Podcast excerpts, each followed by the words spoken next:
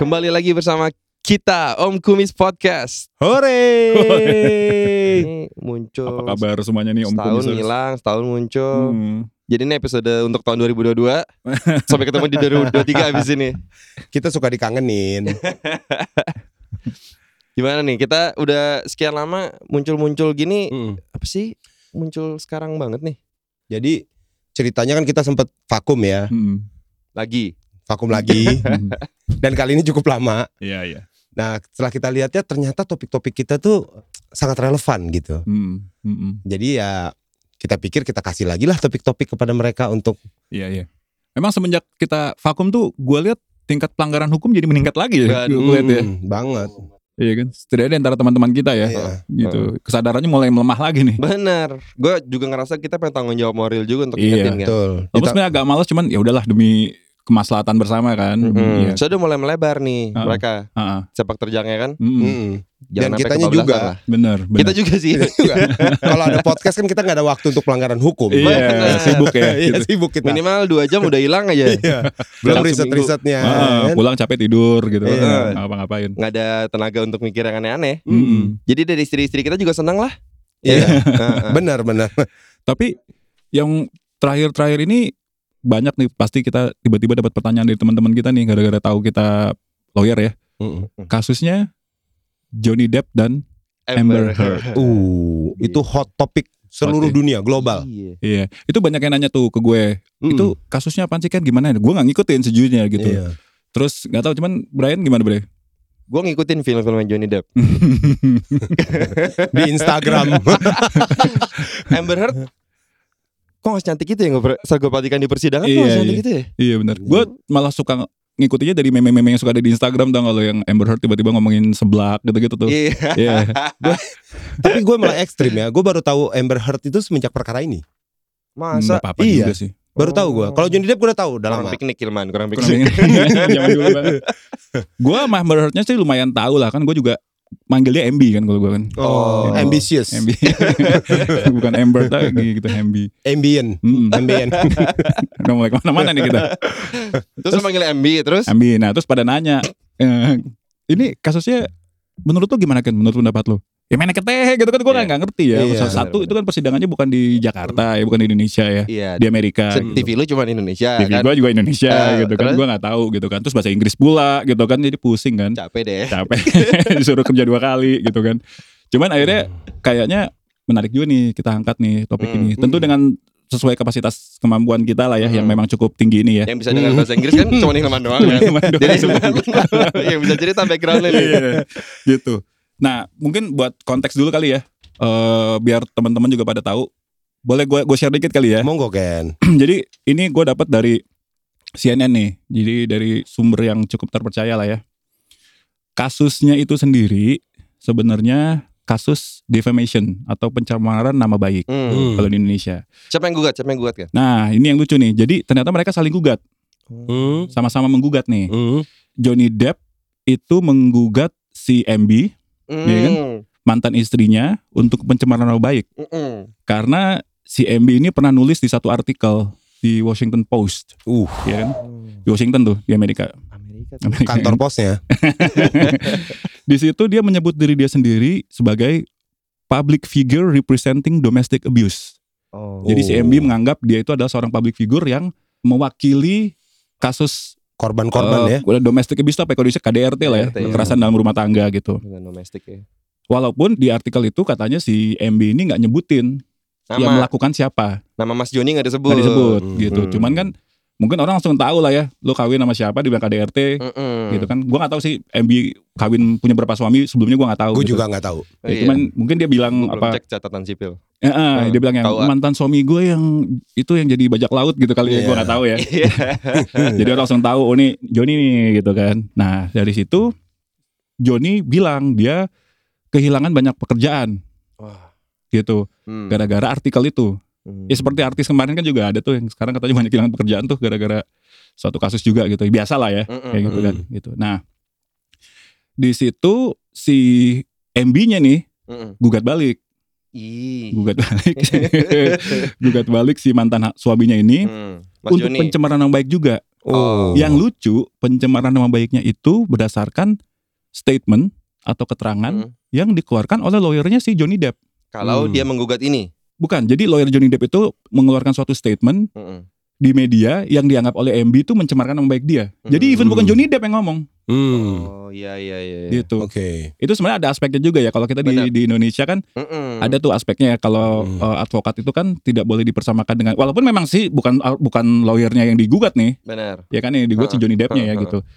Nah pendek kata di putusannya itu dua-duanya dihukum, Hmm. dua-duanya itu dinyatakan terbukti melakukan pencemaran nama baik terhadap satu sama lain, Oh sebenarnya Oke. satu sama sebenarnya tuh ya. satu sama. Oh, cuman- tapi Eh, Johnny Depp menang di besaran hukumannya. hukumannya, Hukuman ganti maksudnya rugi. menang dari ganti rugi yang dia peroleh gitu ya. Iya. Hmm. Kalau si Johnny Depp tuh dapat 10 juta dolar Mm-mm. compensatory damages, Iya. jadi Hmm. kompensasi ya. Mm-mm. Dan 5 juta dolar punitive damages. Oke. Gitu. Nanti mungkin 15 kita juta bisa in jelasin total. dikit lah ya tentang Hmm. compensatory sama Iya. punitive damage. Sementara si Amber Heard ini dapat 2 juta dolar untuk Iya. compensatory damages, Mm. tapi tidak dapat uang dari punitive damages. Mm. Tapi ini by the way jauh ya dari yang dituntut ya, karena Depp tadinya nuntut Depp Iya. akrab gila. Mas Joni. gue malah Mas Jack di si Johnny Depp ini nuntutnya 50 juta dolar damages Mm. dan si Heard ini 100 juta. Uh. Jadi kalah jauh lah ya Hmm. gitu. Nah, di Amerika sendiri ini dianggap sebagai suatu kemenangan besar untuk si Johnny Depp, Iya. ya kan? Sampai dibilang Johnny Depp itu adalah pria pertama yang berhasil memenangkan argumen terhadap seorang istri. Iya. Mas. Satu gitu. Tapi se- setelah dibantu oleh satu tim lawyer ya, Lawyer-lawyernya. baru bisa menang argumen sama Nah, istrinya. itu di situ juga salah kita tuh. Apa tuh? Kalau lo mau menang sama istri lo ya pakai lawyer dong. Nah, iya. Lo Kan debat nih. Kita pakai diri kita sendiri. Iya, lo debat mau goes boleh apa enggak? Kalah lo. Oh. Ke lawyer lo. Oh, gue gak pernah sih punya masalah itu. Karena lo goes sama istri lo. gue sama istri gue. nah, gitu. Cuman emang pas di sana kalau melihat public opinionnya memang swing ke arah Johnny Johnny Depp. Depp Johnny banget ya. Depp, Atau iya. emang Ya, mungkin- either that atau memang temen-temen Johnny. Instagram gue pada suka Johnny Depp aja. Iya, iya. Iya. Johnny Depp juga kayaknya emang lebih gaul juga kali ya di sana. Tinggal ya.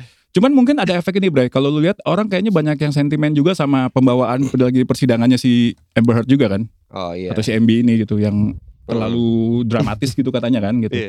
Sebenarnya Johnny-nya kan dianggap cool gitu kan. Hmm. Ya Iya. gue nggak tahu lah ya kalau kalau itu sih ya. Bener sih. Cuman waktu itu tuh memang apa dari dari persidangan ini banyak yang nanya juga tuh Kilman juga tuh. Gue tahu. Kilman. Nanya ke Kilman gue ingat deh. iya. Soal, soal istilah-istilah persidangan soalnya si lawyer cewek kan dianggap kayak wah ini Perform ya. Perform Apa? banget. Lawyer Johnny Depp. lawyer Lawyer lawyer, Depp. lawyer, Siapa yang cewek namanya, lawyer Mbak Joni. Eh Mas Joni. Siapa namanya yang cewek itu kan yang Wati. di Iya, saya Bukan, Wati. bukan. Bukan nama sebenarnya. Lawyernya. Ah, ah, lawyernya gua itu nggak tahu deh. yang dianggap perform banget. Heeh. Heeh. Artinya persidangan ini dia muncul sebagai superstar lah, Ah, ah, Hmm. betul. kan betul. gitu. Nah, yang banyak yang gue lihat ya, itu orang pada seru kan nonton kan, terutama witness testimony tuh, Iya. itu rame tuh. Hmm. Siapa bersaksi mengenai apa gitu. Hmm. Bahkan beberapa public figure juga, yang kita tahu Kate Moss juga sebagai saksi misalnya. Akhirnya muncul Kate Moss ya. Muncul, Iya. iya, walaupun by video conference. Hmm. Hmm. Nah, mereka pada seru, orang-orang pada seru nonton, tapi beberapa hal mereka missing gitu, Hmm. nggak ngerti artinya apa Hmm. gitu. Tapi sebenarnya di Indonesia pun sama ya. Lu kalau nonton sidang itu memang paling seru itu pas meriksa saksi sih sebenarnya ya. Even Yang kelihatan secara kasat mata seru ya. Iya. Karena kan kalau di Indonesia perdata tuh kita sidang banyakan tukeran submission ya atau Iya. gugatan, Iya, jawab tukeran kertasnya ya gitu. Iya.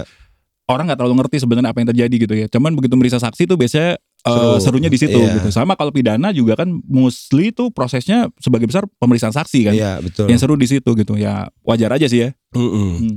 Nah, beberapa istilah yang kemudian muncul menjadi pertanyaan orang-orang nih. Seperti? gitu. Yang pertama nih, seperti yang lu jelaskan tadi Ken. Hmm. Ini kan perkara ini adalah kebanyakan kan referensi media asing nih. Hmm. Disebutnya di media sebagai perkara defamation Hmm. atau libel Hmm. gitu. Nah, sebenarnya apa sih defamation gitu? Hmm. Eh, bukan secara harfiah, secara harfiah sih artinya pencemaran nama baik Hmm. gitu ya. Hmm. Tapi bagaimana sih pengertian pencemaran nama baik ini gitu? Hmm. Nah, kalau kita lihat dari media kan yang pertama menjadi basisnya Johnny Depp seperti lo bilang tadi kan Hmm. gara-gara Amber Heard diwawancara oleh Washington Post. Ya, dia bikin artikel man. Mm-mm. Oh, dia bikin artikel Hmm. ya. Nah, Hmm. di dalam artikel itu dia sebutkanlah perlakuan-perlakuan yang dia anggap diterima sama dia, yang dia klaim Hmm. telah diterima sama dia Hmm. gitu. Nah dari situlah kemudian Johnny Depp beserta lawyernya merasa bahwa walaupun bukan disebutkan namanya sih ini memang clear gue, ditujukan kepada Iya. klien gua nih, Hmm. kepada Johnny Depp nih, Mm. dan karenanya gue berhak untuk klaim gitu. Tapi kan wajar ya maksud gue kalau lu punya istri, istri lu satu lagi gitu ya. Terus istri lu ngomong ke mana-mana bahwa wah gue sebagai istri itu tersiksa banget nih. Iya. Gue adalah is- contoh istri yang banyak tersiksa dalam kehidupan perkawinan. Iya. Dia nggak usah nyebutin nama lu sebagai suaminya, orang kan tahu lu Iya. suaminya gitu. Masa lo mau bilang orang lain gitu ya? ah, Kecuali lu kawinnya sering ya. Ah, itu pun selama si perempuannya suami cuma satu tetap bisa. Lain kalau si perempuannya suaminya banyak. Iya. Baru dia bilang gue sama suami gue, nah suami yang mana dulu nih? Iya, iya. Gitu kan? kalau dia kemudian udah mengatakan demikian ya nggak bisa ngelak lagi lah. Basisnya Iya. mereka gitu. Ya sebenarnya sama juga kayak orang di sosial media ngomongin sesuatu tentang kantornya. Hmm. Terus mereka suka berpikir yang kayak, "Lah kan gue nggak sebut nama kantor gue. Iya. Sering Iya, tuh, iya. sering banget. Tapi kan orang tahu kerja di mana. Ya, sama aja lu tahu. bohong ya. Iya gitu Ah. nah. Itu suatu apa logika simple tapi sering miss tuh orang-orang Iya, tuh. keliru. Apalagi pas sambil ngomong gitu sambil selfie di di, depan logo depan kantor. logo kantor. Iya iya. Aku iya. benci kantorku. Hmm. Yang tak aku sebutkan Namanya namanya. aku sebutkan namanya ini. Walaupun itu kita udah sering sih ngomong ya soal pencemaran nama baik ya. Hmm. Banyak yang berpikir eh, yang paling umum tuh itu tuh. Satu, gua kan nggak sebut orangnya, gua nggak sebut namanya gitu. Gua nggak nggak nyebutin, gua nggak mencemarkan nama baik siapa-siapa. Terus kedua, yang gua sampaikan tuh memang hal yang fakta, kok Fakta. gitu. Nah seolah-olah tuh udah, udah ya aman tuh. Nah itu kita udah sering kali tuh bahas ya di episode-episode sebelumnya bahwa itu nggak berarti lu Hmm. tidak tidak masuk dalam kategori melakukan pencemaran nama baik. Iya. Gitu Iya. kan. Tapi nanti bisa kita bahas lebih jauh. Silakan man, lanjut man. Iya, nah kan kita kemudian jadi melihat gitu ya seberapa relevan sih perkara pencemaran nama baik di Indonesia. Hmm. Tentu para pendengar Om Kumis yang budiman Hmm. sering mendengar bahwa banyak sekali sebenarnya pencemaran nama baik di Indonesia sering banget muncul gitu. Ya. Eh, baik itu terhadap pelayanan suatu pelaku usaha, Hmm. baik itu terhadap individual-individual dalam perlakuan-perlakuan tertentu gitu. Hmm. Berkembangnya sekarang malah banyak yang munculnya dari media sosial Hmm. gitu ya. Sampai pada saat kita bicara ini pun kita masih berada di tengah-tengah orang-orang yang masih melakukan serangan-serangan terhadap orang lain Iya, iya. di media sosial gitu. Hmm. Nah, eh, berarti kan memang pencemaran nama baik juga kita kenal di sini Hmm. gitu. Tapi di Indonesia banyak kita lihat pencemaran nama baik itu larinya sebagai perkara pidana. Perkara pidana itu adalah perkara yang dilaporkan ke kepada kepolisian Hmm. gitu. Nah, kemudian banyak perkara ini kemudian diusut damai antara para pihak banyak, yang berlanjut juga banyak gitu. Tapi mungkin esensinya di sini adalah kalau kita mungkin ngelihat kenapa kasusnya Johnny Depp sama Amber Heard ini bicara tentang pencemaran nama baik itu dibawa ke masalah gugatan perdata, Ya, orang sebenarnya di Indonesia itu sering mendengar pencemaran nama baik itu jadi urusan polisi kan. betul. Nah, urusan mungkin- penjara. Ah, ah, nah ini mungkin juga bisa jadi informasi juga bahwa di Indonesia pun Iya. sebenarnya ada dasarnya untuk lo Ya, instead of lo bawa kasusnya ke polisi, lu gugat perdata. perdata Iya. dan di situ bahkan lo bisa nuntut kerugian finansial Betul. dibanding kalau misalnya ini dibawa ke polisi betul. gitu. Jadi pada prinsipnya kan kalau perdata lo hanya minta ganti kerugian. Mm-mm. bukan minta orang itu dikerangkeng gitu. Iya, iya betul. Karena mungkin menurut pendapat gua dan kita-kita nih, mungkin perdata lebih tepat dalam banyak perkara pencemaran nama baik. Iya. Karena sebenarnya yang diserangkan hanya satu individu Hmm. gitu. Nah, individu itu merasa apa sih dirugikannya dari serangan ini gitu. Hmm. Nah, dari situlah dirumuskan kerugian dia berapa, ya minta aja tuh orang untuk ganti kerugian Mm-mm. gitu. Bahasanya ya lu menghina gue lu harus bayar dong Iya, gitu. Hal-hal yang gue derita Mm-mm. gitu. Nah, ini yang dilakukan di perkara Johnny Depp sama Amber Heard ini nih sebenarnya itu Hmm. gitu. Hmm. Nah, di perkara Johnny Depp sama Amber Heard yang gue lihat sih pembuktiannya lawyernya banyak ke arah untuk para saksi ya, banyak ke arah bener nggak sih sebenarnya Johnny Depp ini misbehave gitu. Hmm. Artinya adalah sebenarnya omongan atau tulisannya Mbak MB ini Hmm. itu sebetulnya berdasar nggak sih masuk akal atau tidak gitu. Hmm. Kalau mungkin memang dibuktikan secara langsung mungkin nggak terlalu gampang, Hmm. tapi sebenarnya karakter Johnny Depp ini dianggap mungkin nggak sih melakukan hal-hal yang dibicarakan oleh Cuman di situ juga yang membedakan ya, bukan niat untuk menjelekkan namanya Johnny Depp yang dibuktikan diangkat. Iya. di persidangan itu, Iya. tapi di- ditanya apakah ada mengandung fitnah gitu betul, kan. betul. Nah, Jadi fakta dari kejadian itu benar pernah terjadi gak diceknya Iya, gitu kan. Iya, betul, Uh, betul. kalau di hukum kita mungkin fokusnya lebih ke niatnya si orang itu, Iya. Uh, terlepas itu fakta atau enggak yang kayak kita Hmm. tadi bilang Iya. kan. Nah makanya lucunya di situ. Nah begitu mulai dibuka Mbak MB untuk Mhm. uh, membuktikan selama hubungan mereka pernah ada uh, kekerasan dari Joni, gua rasa di situlah kuncinya tuh. Hmm. Cewek-cewek langsung bisa melihat ke dalam kehidupan pribadi mereka berdua, ya kan? Hmm, iya. Iya, betul. Buka-bukaan tuh, jurnalnya dibuka, Iya, iya, iya. notes notes nyata lucu juga loh mereka berdua. Hmm. Mereka tuh share buku, tuker-tukeran jurnal gitu men. Hmm. Jadi tiap hari isi diary-nya gitu untuk tulis love letter untuk cowoknya Hmm. gitu. Oh. Sebenarnya hubungannya cute deh. Cute banget. Iya. Tapi udah cute cute bisa kayak begini sih. Iya, cuman mungkin kadang-kadang Too cute. too cute jadi kayak eksplosif kan orangnya Iya, kan. iya, iya. Dengan segala artinya dan Hmm. akibatnya, Bos. Iya, betul juga ya, itu Iya. cerminannya. Nah mungkin kita masuk dulu ke ini kali ya, masuk dulu ke istilah-istilah yang Hmm. dianggap membingungkan nih sama- Membingungkan. sama teman-teman kita atau Iya. netizen-netizen pada umumnya nih. Apa aja man? Selain dari tadi kita udah jelaskan defamation sama libel ya. Hmm. Kemudian kan kita juga tahu seperti dijelaskan tadi bahwa Libel ini kalau dilakukan bertiga tuh juga ini juga Jadi trio. Iya, trio libel. Tambah S jadi Iya, jamakan. Plural soalnya. Terus kemudian kita, kita bertiga. kita tahu juga bahwa di, di putusan yang sama Johnny Depp ya dihukum, Mbak Mm-mm. MB ya dihukum. hmm. Ini kan menarik ya, maksudnya mungkin kita para lawyer ya udah given aja kita rasa ini wajar gitu. Hmm. Tapi kalau orang yang bukan bergerak di bidang hukum akan bertanya loh kok bisa Johnny Depp yang Sama-sama salah. Ah, ah, gitu. Hmm. Nah, Tapi mungkin sedikit man. Eh, balik lagi konteks nih. Kalau di Indonesia kan kita memang mengenal yang namanya gugatan balik ya. Nah, iya. Eh, di Indonesia itu disebutnya sebagai gugatan rekonvensi. Gugatan Iya. rekonvensi itu artinya lu kalau digugat sama orang, lu sebenarnya bisa aja lu gugat lagi buka gugatan baru terhadap orang itu sendiri gitu. Cuman di Indonesia itu kita punya sistem namanya gugatan rekonvensi dalam artian lu bisa menggugat balik orang yang menggugat lo Mhm. di perkara yang sama Iya. ya kan? Jadi saat si penggugat itu mengajukan gugatan, si tergugat yang ini mengajukan jawaban terhadap gugatan tersebut, dia bisa menyertakan gugatan baliknya terhadap si penggugat. Mm-mm. Dan pertanyaannya, itu mungkin nggak terjadi seperti di Amerika. Hmm, Eh, seperti bukan seperti kasusnya si Johnny Depp sama Amber Heard ini gitu ya. Iya. Dua-duanya dihukum.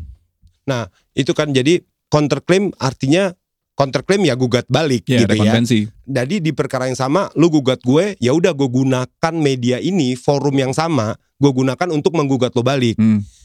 Dalam konteksnya Johnny Depp sama Amber Heard, dia bilang bukan gue yang melakukan pencemaran baik terhadap lu.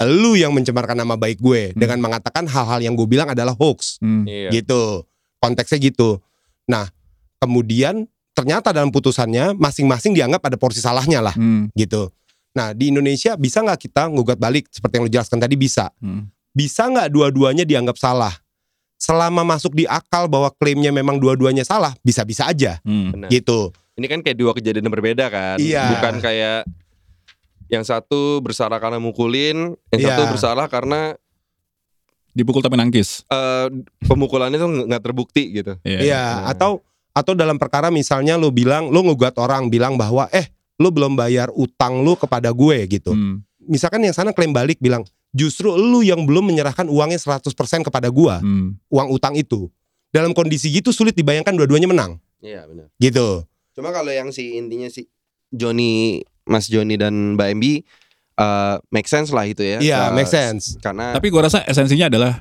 di Indonesia sebenarnya mungkin-mungkin aja kan Mungkin, terjadi iya. terjadi gugatan, ada gugatan balik, iya terus hakim menghukum dua-duanya. iya gitu. Secara teori sebenarnya mungkin walaupun Iya. eh, dalam praktek gua hampir nggak pernah denger ya ada ada seperti itu. Cuman Iya. sebenarnya kita bisa bilang bisa-bisa aja gitu ya. Iya. bisa Nah, balik lagi ke ke apa lagi man? Term terms apa lagi yang yang eh, jadi pertanyaan dari teman-teman? kan yang paling menarik dari perkara ini kan pemeriksaan saksi-saksinya tuh Hmm. termasuk keberatan-keberatan para lawyernya Hmm. gitu ya karena kita terbiasa juga dengan film-film hukum Hollywood Hmm. dan kemudian kita lihat real life-nya persidangan seperti apa.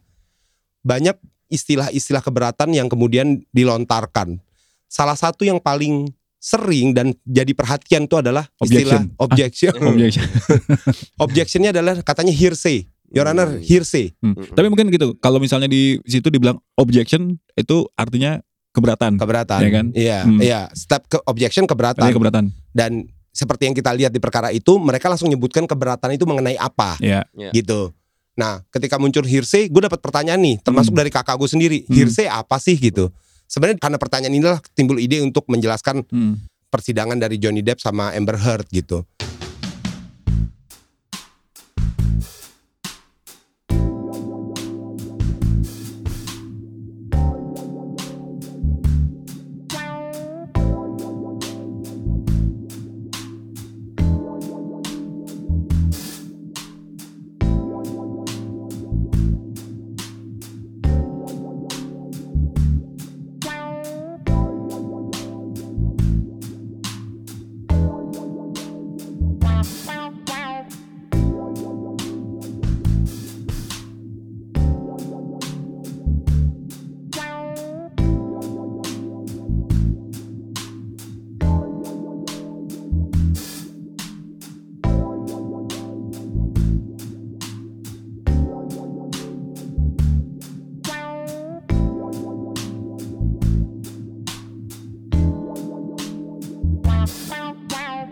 Hearsay itu adalah keterangan yang diberikan bukan berdasarkan pengalamannya sendiri Hmm. gitu. Jadi misalnya gue nih jadi saksi nih Ken, lu lawyer lawannya, lu nanya ke gue, "E, man pada hari Senin itu apa yang terjadi sih gitu. Terus gue ngejelasinnya malah dengan bilang, oh menurut Brian Ya. hari Senin itu Yang gue dengar dari kejadian Brian. adalah ah, Ya. yang gue dengar dari Brian gini-gini. Lo ada di lokasi? Ya ada. Tapi lo lihat enggak sih ada Brian di situ gue tanya dia jawab begitu. Mm-mm. Nah itu hearsay namanya keterangan yang lo dapet dari pihak lain. Hmm. Padahal yang namanya saksi ternyata di Amerika juga dan di kita pasti rule-nya adalah sesuatu yang harus lo lihat sendiri, Iya. dengar sendiri dan Alami. alami sendiri Ya, itu, gitu. itu itu yang suka disebut kapasitas saksi fakta ya. iya. Lu hanya bisa dibilang saksi fakta kalau lu memenuhi tiga unsur tadi. Iya, Lu- jadi rule of Hmm, thumb-nya itu. Iya, lu mengalami sendiri, mendengar sendiri, melihat sendiri, mengalami sendiri Iya, gitu ya. gitu.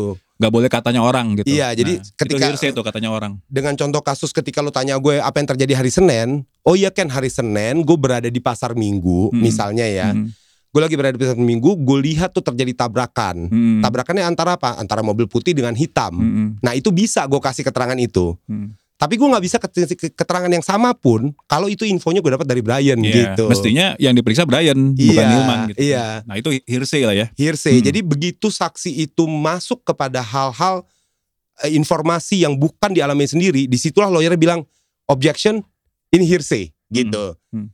Artinya kenapa objection itu langsung diberikan saat itu? Kenapa nggak dibiarkan aja dulu saksinya? Karena supaya informasinya bahkan nggak usah muncul aja, Iya, iya. gitu. Nanti akan mengaburkan soalnya. Kalau kita biarkan dulu, baru nanti kita tanggapi di belakang gitu. Hmm. Dan yang menarik tuh ketika ketika objection itu kalau di persidangannya gue lihat nggak semua perdebatan antara lawyer yang dilakukan secara terbuka tuh di persidangan tuh. Biasanya Hmm, Suka dipanggil ke bench gitu ya. dipanggil ke Hmm. bench sama si hakimnya. Jadi nggak mic-nya nggak kedengeran tuh. Ah. Di situ argunya di situ di depan hakim dulu untuk Iya. dibolehin lu nanya lanjutin atau pertanyaan harus dirubah. Iya, Oh di kita tuh Kita nggak terbuka, udah langsung Iya. terbuka aja Iya. si Jadi dari meja dari meja kita, kita keberatan, alasan kita apa, Iya. perdebatannya apa itu harus dari meja Di situ kita. langsung, kita nggak ya. bisa maju ke hakim ya. Ya Hmm. karena dalam beberapa hal mungkin hakim nggak immediately mengerti kenapa lo melakukan Hmm, keberatan itu hmm. kan gitu ya. Tapi perdebatan itu juga nggak dilakukan secara terbuka juga. Aja penonton Iya. juga kayak Ini yang di, eh, yang di Amerika kan, yang Yang di Amerika. si Johnny Depp ini kan. apa- ngomongin apa sih sebenarnya? Iya. gitu. Hmm. Kita kan pengen tahu gosip-gosipnya. Iya iya benar. Jadi itu sih sebenarnya Kalau hearsay itu ya? Jadi Iya. sama lah, sama lah dengan kita Mirip ya, prinsipnya kita. Iya. Nah, ada lagi keberatan yang yang gue lihat ya adalah objection calls for speculation Hmm. Iya. gitu. Jenis objection yang berbeda nih ya. Jenis objection yang berbeda gitu ya. Menarik di Amerika gitu. Mereka sebutin halnya keberatannya apa gitu. Mm, mm, mm. Dalam pandangan kita gitu ya bahwa objection calls for speculation itu artinya saksi tidak boleh berspekulasi. Dalam artian bahwa kalau fakta yang tidak immediately dia dapat, dia nggak bisa melakukan analisa terhadap fakta-fakta yang ada. Dia rangkum terus bilang, oh menurut saya nanti jadinya akan begini Hmm. gitu loh. Iya, Untuk hal yang belum tentu benar. atau yang belum tentu dia lihat gitu ya, Mm-mm. gitu itu lawyernya akan langsung berkeberatan Hmm. gitu ya. Karena itu kan balik lagi sama kapasitas saksi tadi man ya. Dia hanya boleh Hmm. ngomongin apa yang dia lihat, dia dengar, dialami langsung. Iya. Tapi dia nggak boleh berspekulasi. Benar. Betul. Lu hanya bisa bilang, gue lihat Hilman jam 7 malam hari Rabu itu masuk ke rumah ini. Iya, Itu yang bisa lu bilang. iya, Tapi kemudian lu berspekulasi kalau jam segitu masuk dan rumah itu nggak ada orangnya. Iya. gue yakin dia nyolong. Iya, Nah itu nggak boleh tuh saksi fakta tuh lu nggak boleh ngomong gitu. iya, Keterangan lu hanya bisa diterima yang sampai bahwa lu lihat Hilman masuk ke rumah itu. iya, Tapi Hilman ngapain di rumah itu lu nggak bisa ngomong iya. gitu. Bahkan spekulasi juga berlaku juga ke ahli juga Di- ya. Betul, iya. betul. Artinya yang paling gampang jangan spekulasi yang di luar Keahlian apa, keahlian dia Iya. Iya. minimal. Gitu. Nah gampangnya kalau misalnya Om Kumiser sih nanti tiba-tiba dipanggil jadi saksi gitu ya.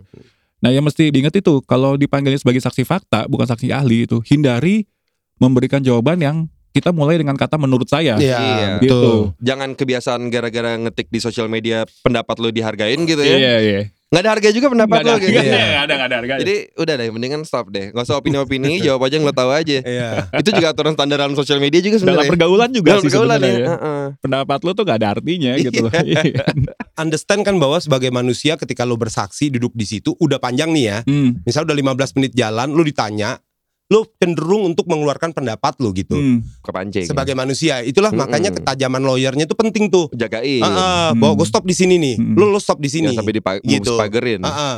Dalam contoh tabrakan mobil tadi ya antara mobil putih yang gue Hmm. contohnya sebagai saksinya, mobil putih sama mobil hitam tabrakan nih. Terus kemudian ditanya, rusak nggak mobilnya? Hmm. Rusak gitu kita bilang.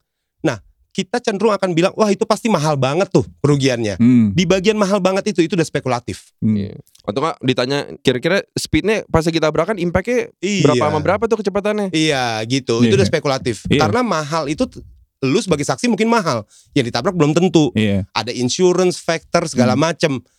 Terlalu spekulatif untuk mengatakan buat saya itu mahal sekali Hmm. gitu. Gua mungkin juga yang lebih gampang lagi kalau misalnya lu lihat tabrakan terus lu lihat orang yang nabrak turun dari mobil jalannya agak sempoyongan matanya merah terus langsung Iya, bilang lu dia bilang mabok, mabok pasti. nih pasti. Iya. Padahal Iya. mata merah bisa karena dia kurang tidur, Bisa. atau putus bisa cinta. karena dia ya habis nangis, Heeh. ya kan gitu kan di mobil dia habis Iya. dengerin The Massive, kita kita nggak tahu ya Iya, gitu. A- benar. Atau cuman gara-gara minum alkohol banyak misalnya kan? Ya mabok Oh, dong. itu mabok. Minum alkohol di atas Nah. ambang ke batas kemampuan dia. Tapi ya benar juga loh. Even minum alkohol banyak, kata mabok tuh cenderung spekulatif. oh iya benar. Hmm. Kalau lo bilang under influence dan Hmm. habis mengkonsumsi alkohol, Iya. mungkin Lebih lebih, fair ya, tepat. lebih iya, fair lebih Ya. fair gitu. Tapi mabok apa enggaknya itu ada ilmunya lagi tuh buat dilihat kan kadar Iya. alkohol di darahnya Ah, apa segala macam gitu kan. Nah, jadi kalau kita-kita ini Mabok menurut apa dulu nih Pak? Eh, iya buat saya ini tenang, Pak. Bukan mabok. ini maboknya stuba apa maboknya dark down gitu kan gitu. Tapi itu gambarannya gitu jangan kita juga jangan berspekulasi karena Iya. kadang spekulasi kita itu kalau di proses hukum bisa ngerugiin orang lain iya. dan bisa ngerugiin diri kita sendiri juga. Jadi kita mesti hati-hati tuh. Iya. Hmm. Kan makanya kalau kita ada kecelakaan di TV-TV tuh, orang sekitar diwawancarain.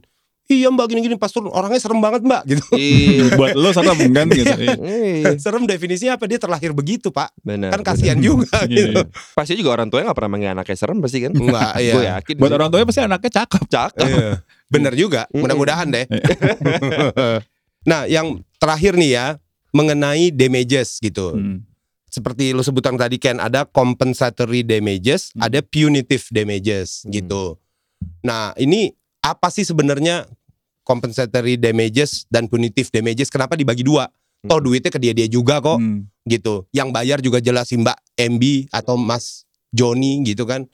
Kenapa harus dibeda-bedain sih gitu? Mm-mm. Musti. Nah, gini ya, yang yang yang gue dengar lagi-lagi denger-dengar ya kan, kita kan nggak bener-bener apa namanya eh, terlibat dalam perkara itu. Iya. Compensatory damage itu adalah kerugian yang benar-benar diderita sama Mas Joni, Hmm. gitu kan? Yang kita tahu kan ini ada hubungannya dengan kemudian kontraknya di Disney lah. Mm-mm.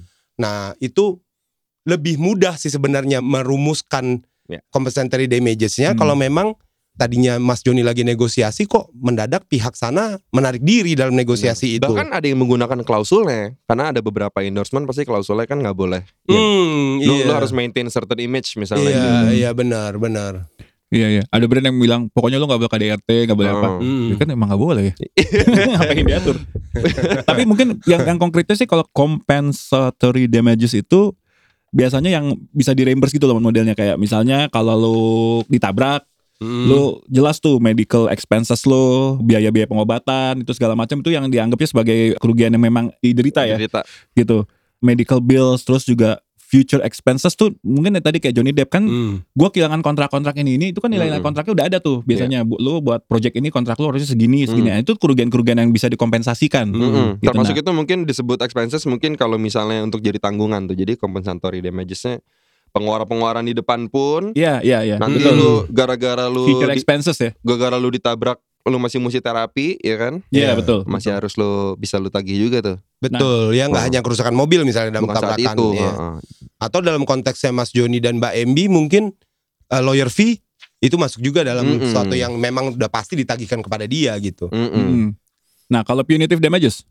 Nah, punitive damages itu adalah yang dihukumkan terhadap tindakan dia. Gimana ya Iya. menjelaskannya ya? itu jadi sebenarnya kayak kayak denda lah gitu dari negara Iya, gitu ya iya. untuk bukannya negara lah dari si satu karena tindakan ini Iya, ya lu harus dihukum untuk bayar X amount iya. Kerugian ada kerugian yang X factor kan, yes yang nggak kemudian angkanya nominalnya gampang dilihat uh, Mm-mm. on paper gitu. Mm-mm. Nah, itulah yang punitif kepada Hmm. si uh, Mbak MB kepada Mas Joni. Iya. Iya, Mungkin kalau di gitu. Indonesia tuh lebih dekat ke tuntutan imaterial ya. Imaterial. Hmm. kalau yang punitive itu mungkin bukan imaterial kan Oh, bukan ya? mungkin itu karena dia melanggar suatu pasal aja jadi dia kena hukuman Di sini kalau yang gue baca sih punitive damages are awarded in addition to the actual damages, Mm-mm. ya kan? Punitive damages are considered punishment and are typically awarded at the court's discretion yes Iya. when the defendant's behavior is found to be especially harmful. Jadi sesuatu yang memang menurut pengadilan, tapi ini di Amerika ya. Iya. On top of si actual damages tadi, Iya. gara-gara perbuatan lu itu harusnya lu dihukum lagi ini Iya. gitu. Iya. Ya mungkin nggak seperti material damages, kalau material damages pasti dari kita ya. Iya. Tapi Hmm. ini kayaknya bisa Si di call hakim sama si "Ah, Ah, betul. Dan hakim-hakim gitu kan biasa mereka punya ya nanti ada thresholdnya lah mungkin Mm-mm. Iya. presiden mungkin bahkan mereka mungkin punya matriks tuh punya matriks ganti rugi tuh Secara lu rasio sih masuk juga ya. Artinya kalau orang memang benar mencemarkan nama baik, Mm-mm. dia jangan hanya dihukum untuk membayar kerugian yang sana dong. Mm-mm. Nilai kapoknya tuh Hmm. nilai kapok itu kurang gitu loh. on top of that ada Ah, apa ah, gitu, ya. gitu. soalnya misalnya orang-orang ini memang nggak dirugikan banyak Iya. misalnya pekerjaannya nggak kerja Iya, misalnya. eh, pengeluarannya emang nggak ada Ah. gua sebenarnya nggak ada dampak ekonomis juga sih dirugikan Iya. ini Di, Ya. dihina-hina di depan Dihina. orang nggak ada yang kenal dia juga Nah, gitu. jadi on top of that bisa dikasih Tindakannya itu kan Ah, harus dihukum gitu. bener. Hmm. Tapi di sini juga yang tadi di artikel CNN itu memang dibilang juga mereka tadi lu bilang punitive damages in the state of Virginia are capped at 350 ribu US dollar. Hmm. So the judge reduced the punitive damage award to that amount. Hmm. Jadi kayaknya si Johnny Depp walaupun dia dikasih punitive damage 5 juta dolar tapi akhirnya di sesuai capnya 350 Capnya ribu 350 ya. Oh. Iya. gitu. Cuman menariknya gitu tuh. Jadi nggak mesti banyak-banyak bagi Johnny Depp juga mungkin ah gua daripada gua ngolek kayak banyak-banyak kan Trika emang kan nama panjangnya udah berubah sekarang Johnny Depp gara-gara menang gini mesti ngambil dari Amber Heard. Apa nama panjangnya emang sekarang, Man? Johnny Depp kolektor. Johnny Depp kolek. Karena tugas iya. dia sekarang tinggal kolek Tinggal loh. ngolek Iya. doang sih Mbak Iya, MB. kan? Bahkan dia nggak minta pengadilan yang kolek tuh dia kolek sendiri tuh. Kolek Iya. sendiri. Luar biasa. Ketemu di jalan bayar dulu lu banyak ngomong kan. Iya. Lo nggak takut gue gondrong gini katanya. Nah, tapi mungkin sedikit nih dalam konteksnya si kasus ini gitu. Kalau lu di Indonesia mengalami apa yang dialami oleh baik MB maupun Joni gitu ya. Hmm. Nah, lu bisa nggak sih sebenarnya melakukan apa yang mereka lakukan? Bukan perbuatannya ya, Oh, tapi oh, tapi proses Gue pikir apa langkah yang, hukum yang mereka apa yang dilakukan Johnny ke Tentu bisa, Eh, oh, bisa. lu, lu melakukan KDRT sama istri pasti bisa, atau lu di KDRT juga bisa itu Eh, masing-masing gitu. Iya, Gitu. Cuma masalahnya kalau itu terjadi, lu bisa gak sih ngelakuin apa yang dilakukan oleh si Johnny Depp atau si Amber Heard nih? Lu Bisa. misalnya lu sebagai suami, tiba-tiba lu istri lu nulis di sosmed Hmm. gitu misalnya. bisa sih. Suamiku bau gitu ya. Iya, bisa. Ada nggak dalam kehidupan pernikahan ini, gua adalah contoh istri yang sering mengalami siksaan dalam perkawinan. Oh iya. Di storynya gitu doang tuh, Mm-mm. ya kan? Hmm. Nah, lu sebagai suaminya begitu istri lu nulis kayak begitu, bisa nggak lu gugat istri lu ke pengadilan? Bisa. Cuman itu tadi tuh teknis sedikitnya sebaiknya kalau sudah cerai agak lebih gampang Betul, gue setuju nih. untuk untuk ngincer hartanya. Jangan lagi sama perkawinan lagi harta bersama terus lu Iya. gugat jadi panjang Itu gua gugat uang gua juga kata dia Iya. gitu. Iya, bener juga. Kan- kantong Ingat lo yang- kanan. Aku kalah, kamu kalah loh. Jadi Aku kalah nih duit gaji kamu ini yang bayarnya. Oh alah bener. Iya bener juga ya. Con Memang bisa, memang bisa dilakukan lah, bisa mantan dilakukan. ya. Ya, Bisa. unless unless lo punya perjanjian pranikah ya, Iya. pisah harta. Oh mungkin lagi lebih tepat kalau gitu. Lo lo lo punya mantan istri, terus Iya. mantan istri lu nulis tuh Ah. gitu. Iya. gue pernah Misalnya kawin. nulisnya gitu. Alhamdulillah terlepas juga gue dari neraka dunia ini di hari putusan cerainya gitu. Iya. Jadi sebagai mantannya kan lo wah gila. Karena teman-temannya kan pasti bertanya, neraka dunia kenapa sih lo diapain selama ini? Iya, gitu, gitu kan cewek-cewek gitu kan. Cewek-cewek lagi dekat sama dia kan dia lagi mau mulai kehidupan baru jadi khawatir gitu loh. Nah. Cowok nggak bener deh kayaknya. Padahal iya ya udah deket sama cewek lagi si cowok tuh. itu kan ada Iya. wah itu kerugian feature Bete. itu tuh feature Bete sih. Bete. Bete sih. bete banget. Simple.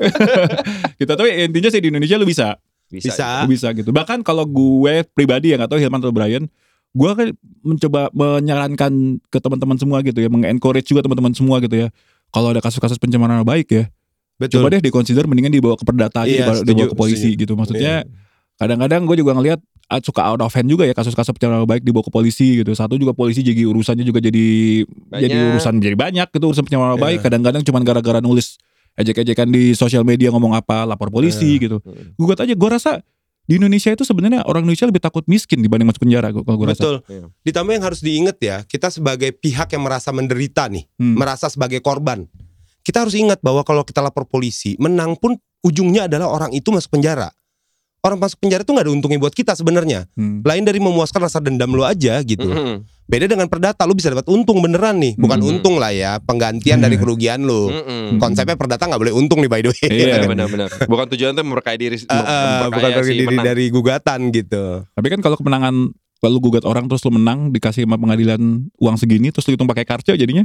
Hitung hitung itu pakai kerja pasti untung. Cuman emang masalahnya kan nanti masalah koleknya masalah koleknya lagi bro. Ah, iya iya. Iya, benar. Akhirnya mesti Mas Joni. Mas Tapi Joni, that- Johnny Depp kolektor lagi. Iya, another teknis lah ya. Cuman sebenarnya lu bisa, lu gugat gugat Benar. orang kalau lu merasa dicemarkan. Iya, Lu lebih gugat. baik begitu. Mm-mm. Mm-mm. Apalagi kok jelas-jelas ya, lu lu Ah. dicemarkan.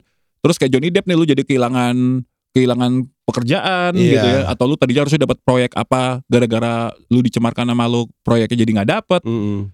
Sebaiknya gugat kalau menurut gue sih Iya, iya, Hmm. setuju, setuju.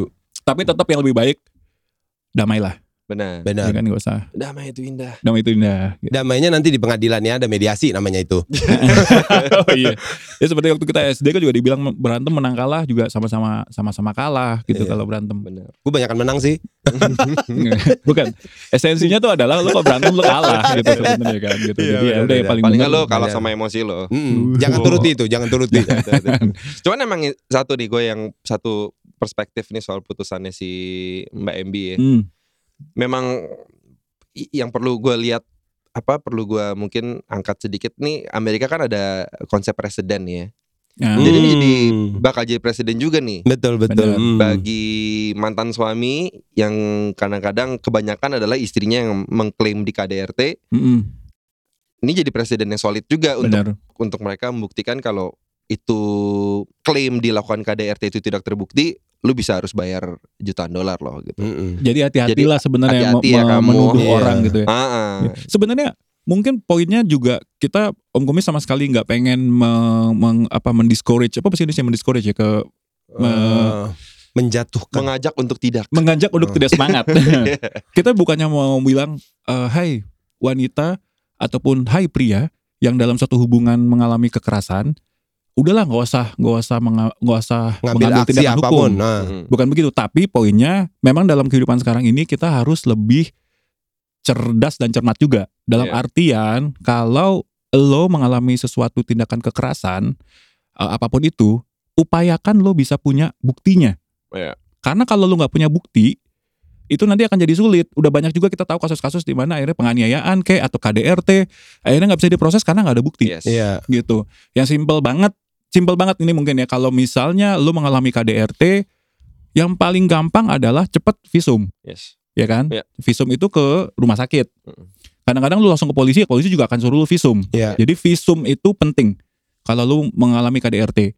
Kalau misalnya kekerasannya kekerasan psikis-psikis itu kadang-kadang agak sulit. Kadang-kadang kan Iya. lu mungkin eh, Konteksnya mesti luas ya, eh, mesti eh, kadang-kadang secara- suami lu atau istri lu melontarkan kata-kata yang tidak baik itu Iya. nggak di depan umum. Mm-mm. Itu agak sulit ya. Nah, Secara peraturan ada ya kekerasan terhadap psikologis. Mm-mm. Secara peraturan masuk ada. masuk dalam definisi Iya, KDRT-nya. Pembuktiannya balik lagi seperti iya, lo bilang. pembuktian sih. Kuncinya tuh ke- sekarang pembuktian. cenderung subjektif sekali Mm-mm. gitu.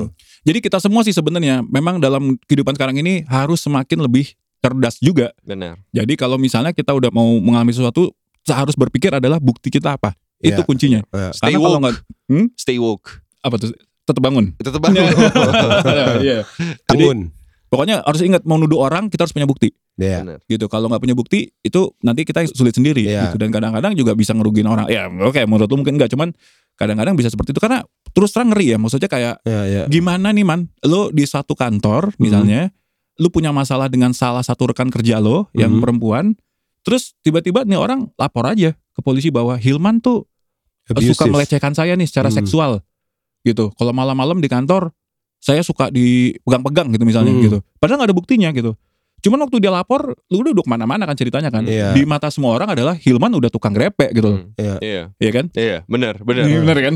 Di, Iya, di, Man. di contoh ini, Di, di, contoh ini, di contoh di ini, contoh ini Hilman tukang Iya. grepe orang perempuan lain gitu. di contoh ini, Di contoh kan, ini, Pak. gitu. Iya, Nah, tapi lu gak bisa buktiin. Itu kan sebenarnya kan kasihan Hilmannya kan. Benar. Iya, Gitu. makanya di kasus Johnny Depp sama Amber Heard ini yang jadi isu kan karena dia nulis artikel. Hmm. Mm-mm. Dia bukan kemudian melaporkan kepada polisian atau dia menggugat melakukan upaya hukum Hmm. terhadap hal-hal kekerasan yang dia anggap dia terima. Mm-mm. Dia lakukan kan nulis artikel dan artinya kan dia sengaja untuk menyebarluaskan ini Hmm. terlepas dari benar benar salahnya ya Hmm. gitu. Mm-mm. Nah di kita kalau upaya hukum nggak bisa tuh dibilang pencemaran nama baik. Mm-mm. Ya. Upaya hukumnya aja ya. Hmm. Lu lapor polisi atau lu gugat itu nggak bisa dianggap pencemaran nama baik. Begitu lu keluar habis laporan lu ketemu wartawan lu cuap-cuap, nah itu udah beda cerita tuh Hmm. Di bagian itunya gitu. Hmm. Jadi stay stay di jalur hukum aja kalau Iya, mau melakukan, di tapi jalur hukum. itu Iya. pun juga jangan lupa bukti, itu harus ada. Iya. penuh perhitungan Bukti itu karena, kunci lah. Bukti kunci apa pun Ah. juga ya. karena prosesnya nggak semudah yang lu bayangin gitu. Iya, iya, betul. Karena sering juga kan kita ngalamin ya orang consult ke kita, terus begitu kita tanya bukti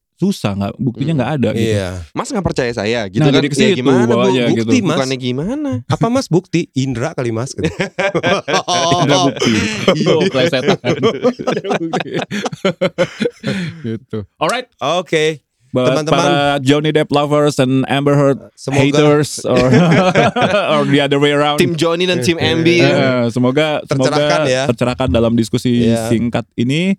Sekaligus diingat-ingat kalau jadi saksi itu hal-hal jangan sampai kebablasan memberikan keterangan hmm, gitu harus ya. ingat tuh kalau kita jadi saksi fakta pagarnya itu Mm-mm. kita hanya bisa bicara hal-hal yang kita tahu sendiri, kita alami sendiri, lihat sendiri, Iya, dengar sendiri. Iya, Jangan katanya katanya katanya gitu. Itu tuh Iya. kuncinya iya betul. gitu, ya kan? Iya. Oke, stay happy, stay healthy, stay sharp, Stay lovely. stay lovely. Apa tadi? Stay woke. Stay woke. gitu. Stay kepo. Stay kepo. And Sampai ketemu sampai di ketemu di episode berikutnya. berikutnya. Dadah.